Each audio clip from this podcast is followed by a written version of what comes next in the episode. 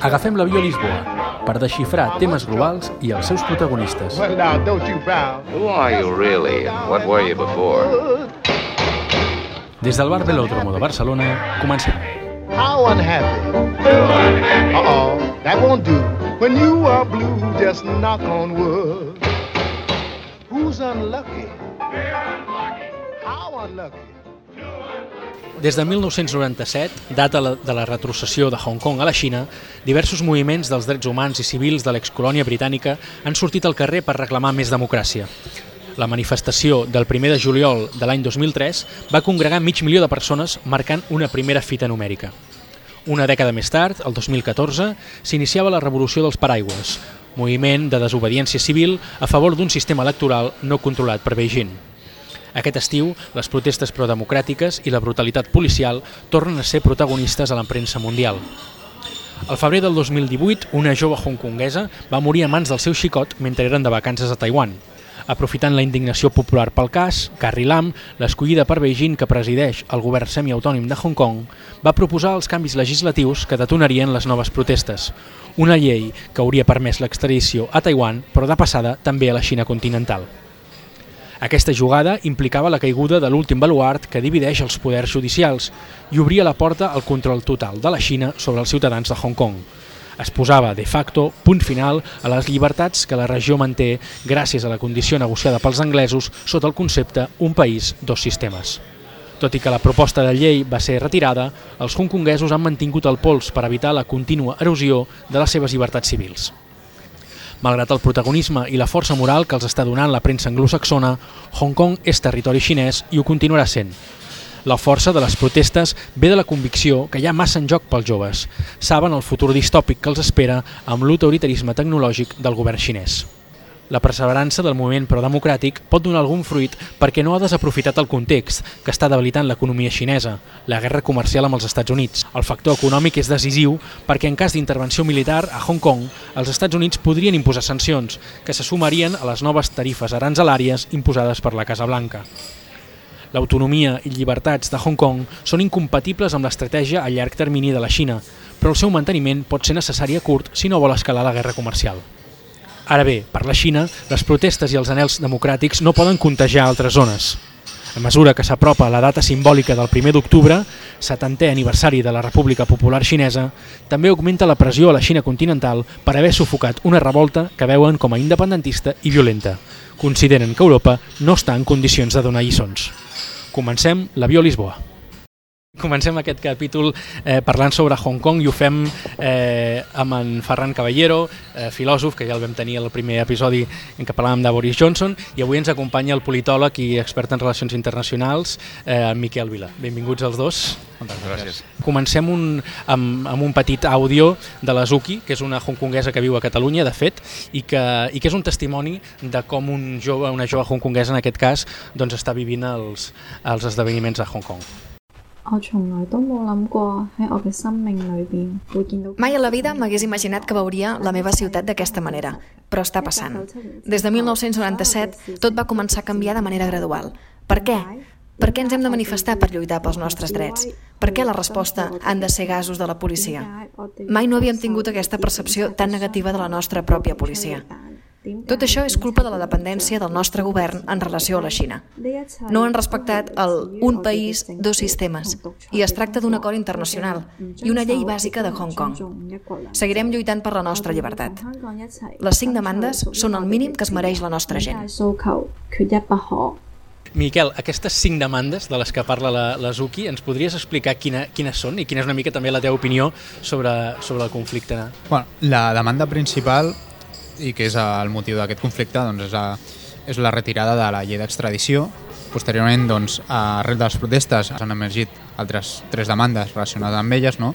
doncs, que és el fet de que, primer, que el, el govern deixi de referir-se a aquestes protestes com a disturbis, que s'amnistin a les persones que han sigut detingudes i que s'obri una investigació mm, policial independent sobre brutali eh, sobre brutalitat policial.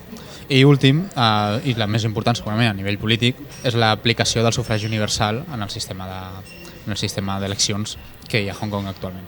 Eh, I sobre el conflicte més en general, tu que fa sis mesos, has estat sis mesos a la Xina, Sí. eh, doncs explica'ns una mica com es veu des d'allà i, i quina és la teva opinió sobre, sobre el que està passant.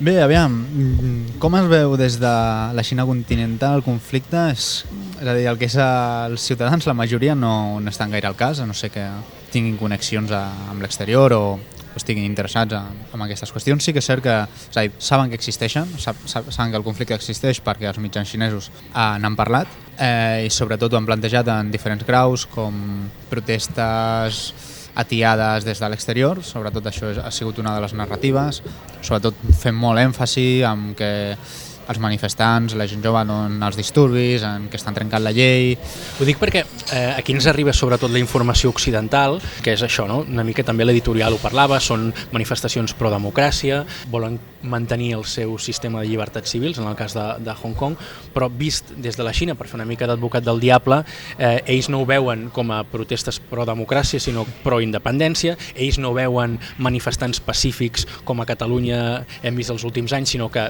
estan veient imatges de, de violència força extrema, veuen, tu en parlaves ara, no? banderes de, del Regne Unit, eh, colonials, imperialistes, veuen dels Estats Units, pensen en l'històric, en la guerra de l'opi, com, com, per què en, en un primer lloc eh, aquest enclavament doncs, a, al sud de la Xina doncs, veuen intervencionisme. No? Llavors també nosaltres, en canvi, no, no ho veiem des d'aquesta òptica perquè ho veiem a, a nivell dels mitjans occidentals i sobretot de la premsa anglosaxona. No? Totalment. Veuen, clar, sobretot i, i d'arrel, no? i tenint en compte també la posició del govern xinès respecte a la qüestió de la llei d'extradició. És cert que Hong Kong és un país, eh, bueno, és un territori, però, que té molta, és a dir, que té molta dificultat per extraditar les, als seus ciutadans. Això ve arrel de Taiwan, que és també un altre, un altre territori en disputa bueno, i, i en qüestió no? sobre, la seva, sobre si forma part així no, la seva relació amb la Xina. No? Uh -huh. uh, però això no és una cosa que només s'hagi queixat el govern xinès, sinó també s'ha s'ha queixat doncs, a organismes internacionals, per exemple, contra el blanqueig de capital. Vull dir. I aquesta llei, en part, doncs,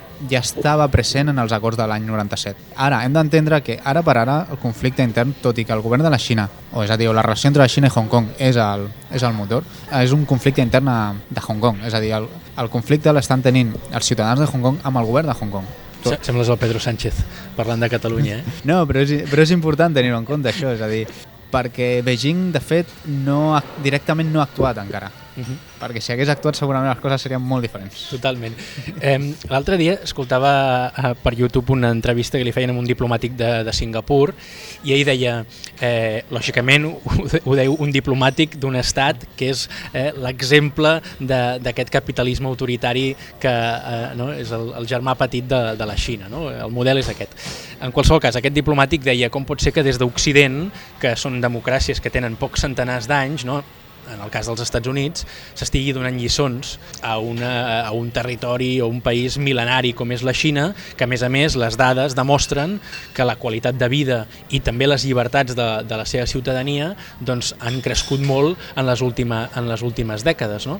I doncs jo, Ferran, et volia fer aquesta pregunta a tu. Què li respondries a aquest eh, ambaixador que, que defensa la Xina? Home, directament a ell no, no ho sé. A mi, a mi el que em preocupa d'aquesta és que realment nosaltres hem, hem anat adoptant un cert complex davant d'aquest tipus d'argument. I això és, és significatiu no tant per la nostra relació amb la Xina, que és una qüestió diplomàtica en la que no, no, no m'interessa en, entrar, sinó una qüestió ideològica, és a dir, hem agafat, hem agafat uns complexes on hem comprat el discurs de que l'important és el creixement, quan lògicament per dir-ho així, eh, això va, va en contra, o sigui, hi ha, hi ha un, hem, hem acceptat aquesta dicotomia entre creixement i llibertat, per dir-ho d'alguna manera, no? I encara que veiem a la Xina que, lògicament, el creixement econòmic ha portat llibertats i ha portat prosperitat a la gent i tot això, també hem d'entendre que és que venien de molt avall. I per tant alguna lliçó podem donar quan nosaltres vivim en democràcies que encara que hi hagi crisis puntuals i cícliques podem dir o alguna cosa d'aquestes eh, són democràcies que són capaces de compaginar llibertats polítiques amb llibertats com les que tenen els xinesos amb prosperitat econòmica. I aleshores, d'alguna manera, el que crec és que és molt significatiu que es facin servir aquests, aquests arguments perquè demostra la nostra poca, poca fe en el nostre propi, propi sistema. Jo crec que això sí que és preocupant, és a dir, d'alguna manera que siguem capaços d'emmirallar-nos en la Xina quan la Xina té lògicament les seves pròpies dinàmiques.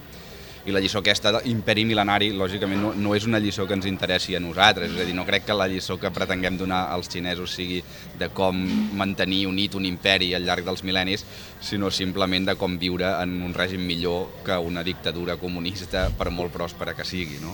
Sobretot ara que veiem créixer el control tecnològic, veiem tot això és una amenaça constant a les llibertats dels ciutadans que d'alguna manera sí que podem presumir de viure millor no? davant d'aquest.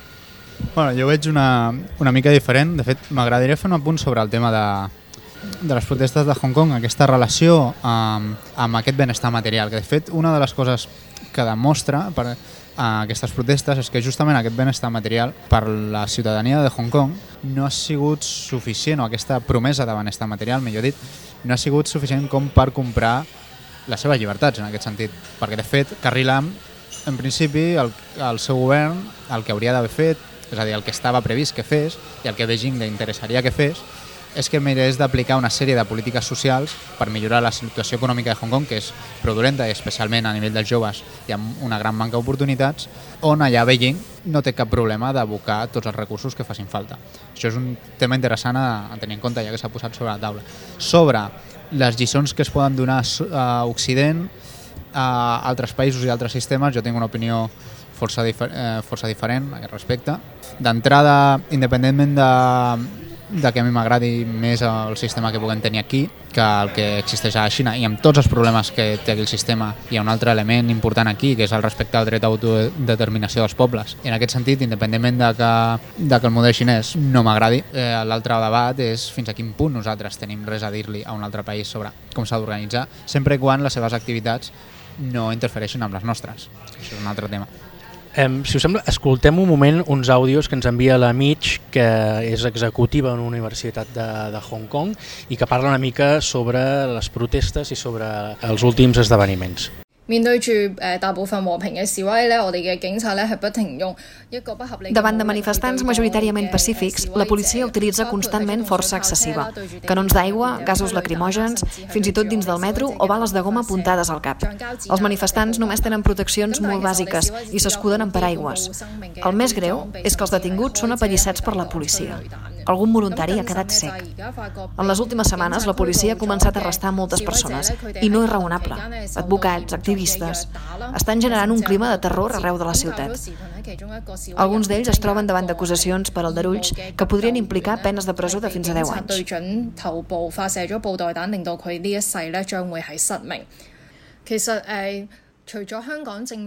L'actitud del govern de Hong Kong està sent arrogant i el que és més preocupant és la força sense control de la policia. No només estan permetent que gàngsters apallissin a ciutadans. Fa pocs dies la policia va entrar en un vagó de metro a l'estació Príncipe Eduard i van començar a apallissar persones de manera indiscriminada, tant si venien de les protestes com si no. Ignoren les limitacions respecte a les armes que poden fer servir i ataquen i fereixen a persones innocents de manera severa. Alguns passatgers s'agenollaven, implorant que paressin, i els continuaven estaven pagant. Despogen la seva ràbia, no estan intentant desfer cap protesta. Posteriorment es va denegar l'accés d'ambulàncies per part de la policia. Estem vivint una crisi humanitària i esperem que la gent de tot el món ens pugui ajudar. Ens mantindrem forts. 诶一啲规则啦，同埋系不停咁样打一啲无辜嘅人咧，造成一啲严重嘅受伤。Ara que parlàvem de... Ara que Miquel treies el tema de l'autodeterminació eh, per parlar de la Xina, parlem d'altres pobles justament sotmesos per la Xina, com són eh, el Tíbet i Xinjiang, perquè ells sí que no es poden autodeterminar, pel que sembla, no? igual, igual que, que a Hong Kong. Quines diferències eh, hi han eh, amb el que s'està vivint en aquests dos territoris? Bé, fonamentalment Clar, d'entrada l'arquitectura institucional és molt diferent. És a dir, Hong Kong és, és una regió autònoma, té un altre tipus de, de règim. A més, el fet d'haver sigut una província britànica, doncs, ai, una colònia, excolònia britànica, doncs, ha, ha fet que sigui una societat molt diferent.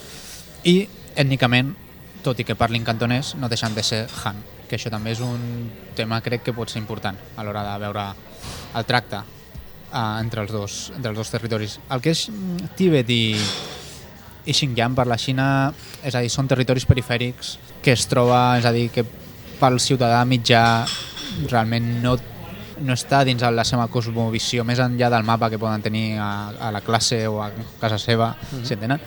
No tenen una gran relació. Potser de vegades van a un temple budista tibetà o van a un restaurant de Xinjiang, que és el que pots trobar més comúment a, a la Xina. Per tant, clar, ja el govern té un marge de maniobra molt ampli i alhora té una sensació de perill diferent, perquè Hong Kong sempre, en Hong Kong sempre han tingut aquesta relació de que què passaria si la gent de la Xina, no? i des d'Occident també s'ha dit, els hi comença a agradar el model de Hong Kong i volen exportar-lo a la Xina. Hi ha moltes més similituds, molt més fàcil doncs, que les idees d'allà es transmetin. En canvi, el de Xinjiang i Tibet, per ells és, no sé, és com pels britànics l'Àfrica, diguem-ne, a l'època colonial, tot i que consideren que és una part integrada de la Xina i és una mica més. És una relació molt diferent. Em sorprèn que, que parlis d'això d'aqu- d'aquesta manera, però, però quan parlàvem de l'autodeterminació dels pobles, quan estem veient que el que s'està aplicant a Xinjiang és un estat policial eh, de reminiscències orwellianes, pràcticament un policia a cada cantonada, eh, el control absolut de la via diària dels, dels ciutadans i una repressió sense precedents eh, a una minoria eh, en un territori bastant, bastant important. No? I és exactament el mateix que està, que està passant a Tibet. No? I doncs jo no sé això, Ferran, què diu sobre el model xinès i sobre, i sobre la seva capacitat de seguir desplegant-se i seguir perseguint els Estats Units mentre eh, es consolida internament sobre la base d'una repressió ferotge. No, bueno, aquestes són les lliçons de l'imperialisme, diríem, no? Aquesta, sí que no són lliçons que estiguem descobrint ara, però les sí. veiem si- situades a, a, en el context xinès. És a dir, aquesta, aquesta idea de si es poden donar lliçons o no, des d'un punt de vista ideològic, em sembla molt interessant. És a dir, bueno, els, els drets humans, per dir-ho així, són una lliçó que podem, que podem exportar o, o simplement hem de comprar la idea, perquè lògicament la idea de que has de reprimir territoris, has de reeducar poblacions, tot això és, forma part de la creació d'un estat o de la creació d'un imperi. Aquesta és una lliçó que, que no és nova, és a dir, els, uh -huh. els xinesos poden presumir d'aquesta lliçó, el que passa és que no sé si cal presumir-ne, és a dir, és una d'aquestes coses que s'han de fer, diríem, amb una mica, amb una mica de vergonya, no? Uh -huh. I, I ara el que, i el que veiem a més és, és aquesta idea, o sigui, a mi em molesta aquest complex davant de, davant de la Xina, quan veiem el seu, les, el seu potencial repressor i veiem a més que una de les coses importants que estan passant, que és el seu salt tecnològic, per dir-ho així, és molt fàcil posar-lo al servei de la repressió. És a dir, el control, el control de Xinjiang seria impossible diríem, sense la tecnologia moderna. I això ens dona una idea de cap a on, de que fins a quin punt la Xina es pot convertir en una distopia. Això no vol dir que les democràcies siguin exemplars, en, en, lògicament, eh? però la qüestió és simplement de dir bueno, és que no hi ha res que ells ens puguin ensenyar de millor en aquest sentit. No? O sigui, la gran lliçó és el creixement econòmic. La gran lliçó que ens acomplexa és el creixement econòmic, però el creixement econòmic s'ha d'entendre en el seu context i el seu context és sortir de la revolució cultural maoista i obrir-se als mercats. I això és una notícia magnífica per la humanitat, però és aquesta la notícia magnífica per la humanitat i nosaltres hem de tenir un model i Hong Kong suposo que ha de jugar amb això, de tenir un model que sigui capaç de ser obert a la humanitat i, respecte, i respectar els drets humans a casa. Ah, perquè tota aquesta, aquesta guerra eh, s'insereix en un context, que és aquesta pugna amb els Estats Units, que podríem dir que Hong Kong eh, és una part eh, molt petita, gairebé insustancial, eh, en, en, en uns moviments estratègics mundials que van des de la neocolonització de l'Àfrica per extreure els seus recursos eh, a canvi del desenvolupament econòmic, però d'una coordinació eh, a les Nacions Unides eh, i per tant d'aliar-se amb determinats eh, estats africans que directament es venen a, a canvi d'infraestructures que milloren la qualitat de vida dels seus ciutadans, però que s'alineen amb la Xina. Després parlàvem abans amb el Miquel de, de, de Taiwan, no? com la Xina també està desenvolupant, intentant atrapar els Estats Units des de la seva capacitat militar naval, eh, la nova ruta de la, de la seda i marítima amb els ports de Djibouti o el Pakistan, és a dir, que s'està intentant obrir, connectant Europa per terra i alhora buscant una sortida alternativa pel mar Indi, eh, per l'oceà Índic, perdó, en cas que els aliats i Estats Units doncs, bloquegessin eh, el mar de la, de la Xina. Eh, per tant, Hong Kong és una, és una gota dintre d'un- d'un- d'una tàctica general que està condicionant el món del, del futur. No? Totalment, és a dir, el de Hong Kong per la Xina és bàsicament un merder que crec que no el volien per res del món. Ara mateix ells tenen focs a tots els fronts. Uh -huh. Tenen focs a això, el que has dit, no? Tenen focs a Taiwan, tenen focs a les seves perifèries, a Xinjiang, al cap fi, Uh -huh. a la situació que estan fent, el que, el que comentaves, a, doncs, tenir una policia a cada cantonada, això té uns costos. Vull dir, uh -huh. el govern està, està desenvolupant una sèrie de polítiques internes i externes que estan posant sobre pressió. És a dir, el de Hong Kong, amb tota la tensió internacional que té, perquè així ja no ho poden fer, bàsicament, perquè és molt difícil que entrin periodistes i, i que entri una tensió internacional gaire àmplia, però Hong Kong està, a, tota, està a, tota, a totes les portades, a tota, tots els canals de televisió. És l'últim que necessitaven. Que això també fa pensar fins a quin punt ha sigut iniciativa de Beijing i no iniciativa del propi govern de, de Hong Kong, de l'administració de Carrie Lam, per no sé si per quedar bé davant Beijing. Vull dir, hi ha unes dinàmiques internes dins de Hong Kong també. No és, no, no és només el que ve de fora, mm -hmm. sinó també el que hi ha dins, com potser també passa aquí. No? Clar, això és un, un altre tema interessant a tocar en algun moment seria si és molt car o no o, eh, eh, tenir un estat autoritari. No? Segur, que, segur que és caríssim i fins a quin punt és, és sostenible en el temps.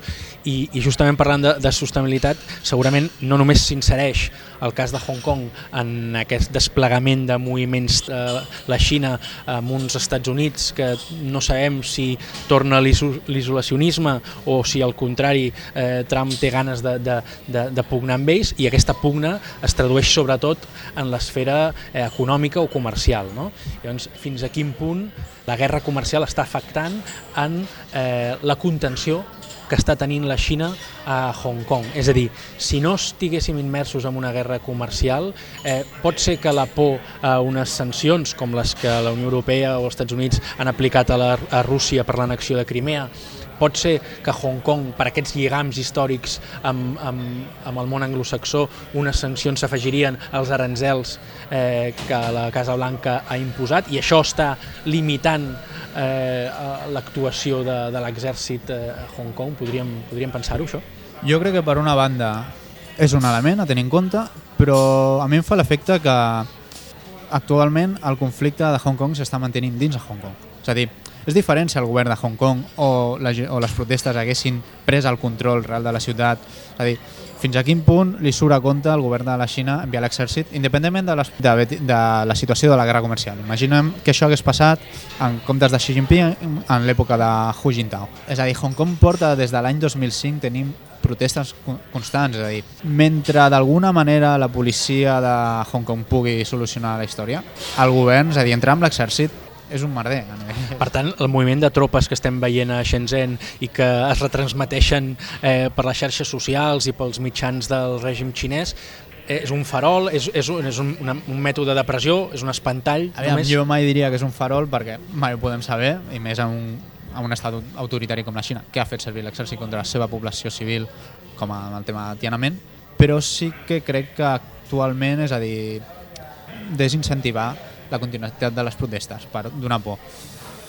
És a dir, no podem descartar cap escenari. Actualment crec que poden, que poden solucionar-ho sense fer ús de, de l'exèrcit. D'acord.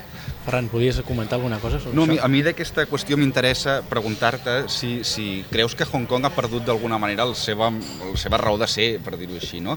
És a dir, jo crec que d'alguna manera per la Xina Hong Kong podia ser problemàtic i encara deu poder ser en la mesura en què sigui capaç de ser el model xinès econòmic que crea prosperitat combinat amb aquesta, amb aquesta pseudodemocràcia encara que sigui, no? però per dir-ho així, és com un exemple de que el model xinès no és l'únic xinès, no és l'únic model possible, perquè d'alguna manera es poden aconseguir les mateixes llibertats civils o llibertats de moviment i, i la mateixa riquesa tenint a més un respecte, un respecte als drets. No? I jo no sé si, si això d'alguna manera podia ser, servir fa unes, fa unes dècades per dir, bueno, aquest és el futur de la Xina, és a dir, caminem cap allà, tingueu paciència, per dir-ho així, perquè a poc a poc hi haurà una democratització pròspera, que és la manera on es, que es justifica el règim, per dir-ho d'aquesta manera, i si això, amb la crisi econòmica que dius, bueno, la situació econòmica de Hong Kong, que ja no és com a mínim molt superior a la de Xina, o que com a mínim ja no, ja no té aquest pes, ha perdut legitimitat i llavors la Xina pot deixar-lo morir o pot tenir interès precisament en acabar amb Hong Kong en aquest sentit. No? És dir, no vull aquest mirall que em fa, que em fa no, que em torna una imatge una mica grotesca del meu propi, del meu propi règim. Crec que aquí apuntes un tema clau, de fet el gran perill que suposa tant Hong Kong i sobretot a Taiwan és que trenca una mica també aquest argument culturalista dels xinesos no podem desenvolupar un règim democràtic liberal com a Occident, nosaltres tenim unes altres formes, etc. No, és el mirall de que una altra, una altra forma de ser xinès és possible, que pot incorporar aquestes idees o, a una, o aquestes idees més democràtiques o funcionament diferent. Uh, això per una banda, òbviament, el govern xinès, doncs, contra abans acabi amb això, està en el seu interès posar-hi fi. D'altra banda, sí que està la, la qüestió de, econòmica. Vull dir, jo tinc no sé, persones que conec de, de Shenzhen, que és la ciutat que està just al, al cantó de Hong Kong, m'expliquen que quan, jo sé, quan eren petits doncs anaven a Hong Kong a comprar les joguines o les coses noves d'Occident. Diuen que actualment no necessiten anar a Hong Kong per res. I això és un canvi. Uh -huh. Molt bé, doncs eh, fins aquí l'episodi de- d'avui sobre Hong Kong. Moltíssimes gràcies a, a, al Ferran i al Miquel. Gràcies a vosaltres que, que, que heu escoltat aquest eh, podcast. Espero que us estigui interessant. I tornarem amb un tercer eh, que parlarem sobre les eleccions a, a Israel que s'esperen per d'aquí unes setmanes. Moltes Fins ara. gràcies. Moltes gràcies. Got trouble? We got trouble. How much trouble? Too much trouble. Well, now, don't you frown. Just knuckle down and knock on wood. Who's unhappy?